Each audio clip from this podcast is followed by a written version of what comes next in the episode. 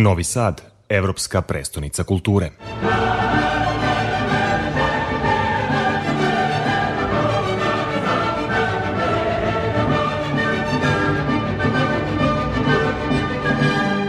umetnost i ekologiju spaja novi programski luk eh, Dunavsko more koji je otvoren prošle sedmice.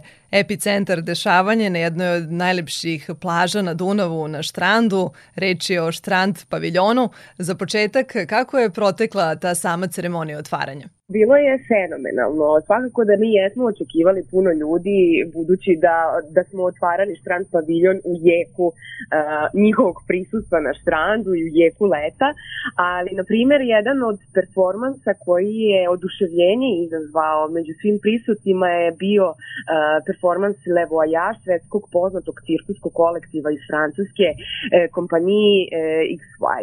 Tako da, to je, na primer, oni su išli po štrandu, njih preko 20 i e, zapravo su prkosili zakonima gravitacije. Oni su kreirali neke nezaboravne letove, ne samo iznad Dunavskog mora, nego iznad svih e, nas.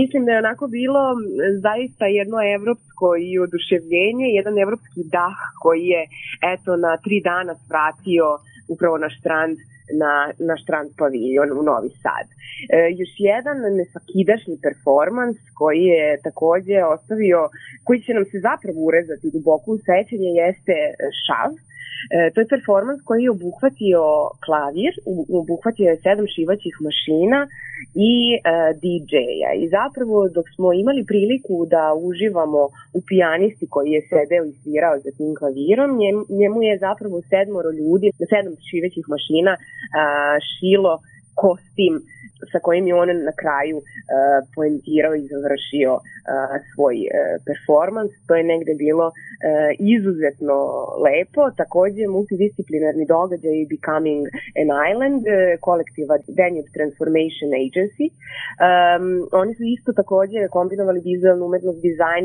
nauku kao zalaganje za budućnost Dunava i eto, to je bio neki njihov uh, pilot projekat koji je uh, vrlo lepo uh, E, prošao. Takođe, do kraja strand paviljona publika će moći da iskusi tu ambijentalnu posebnu prostornu instalaciju osmišljenu kao taktilno i senzorno iskustvo pod nazivom Ekotopije.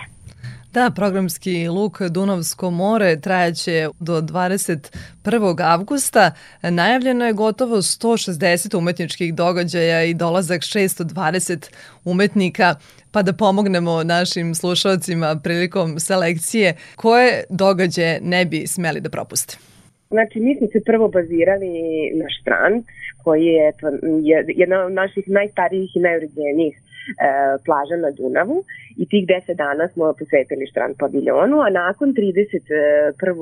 jula e, Dunav možemo posmatrati kao metaforu savremenog stvaralaštva autora iz zemalja Dunavskog e, toka, pa tako projekat izvan centra ne smemo propustiti, ne smete propustiti jer on dovodi savremene umetničke prakse, ali sada u Sremske Karlovce, Kamenicu, Irik, Čerević, Banoštor um, e, i Novi Rakovac. Dakle, idemo sada izvan centra kao što je i naziv e, projekta i on će obuhvatiti četiri izložbe, tri umetnička događaja, raznovrsan e, edukativni program. Takođe decentralizovani, taj decentralizovani kulturni sadržaj koji tematizuje nasledđe Dunavskog regiona ogleda se i u projektima kao što je Open Village koji se bavi nematerijalnim nasledđem e, seoskih zajednica i ova izložba koja će biti otvorena u Srpskoj čitaonici u Irigu obuhvatit će fotografije i video priče 50 žitelja E, hopova koji će predstaviti priče iz prošlosti, ali svakako i prezentovati e, lični događaj ovog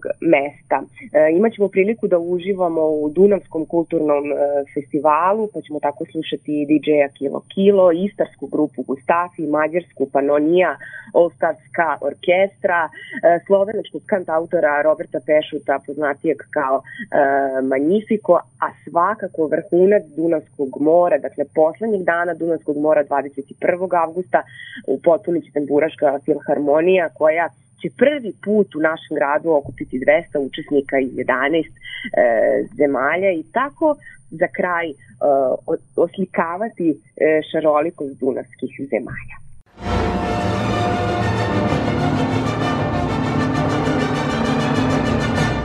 Novi Sad, evropska prestonica kulture.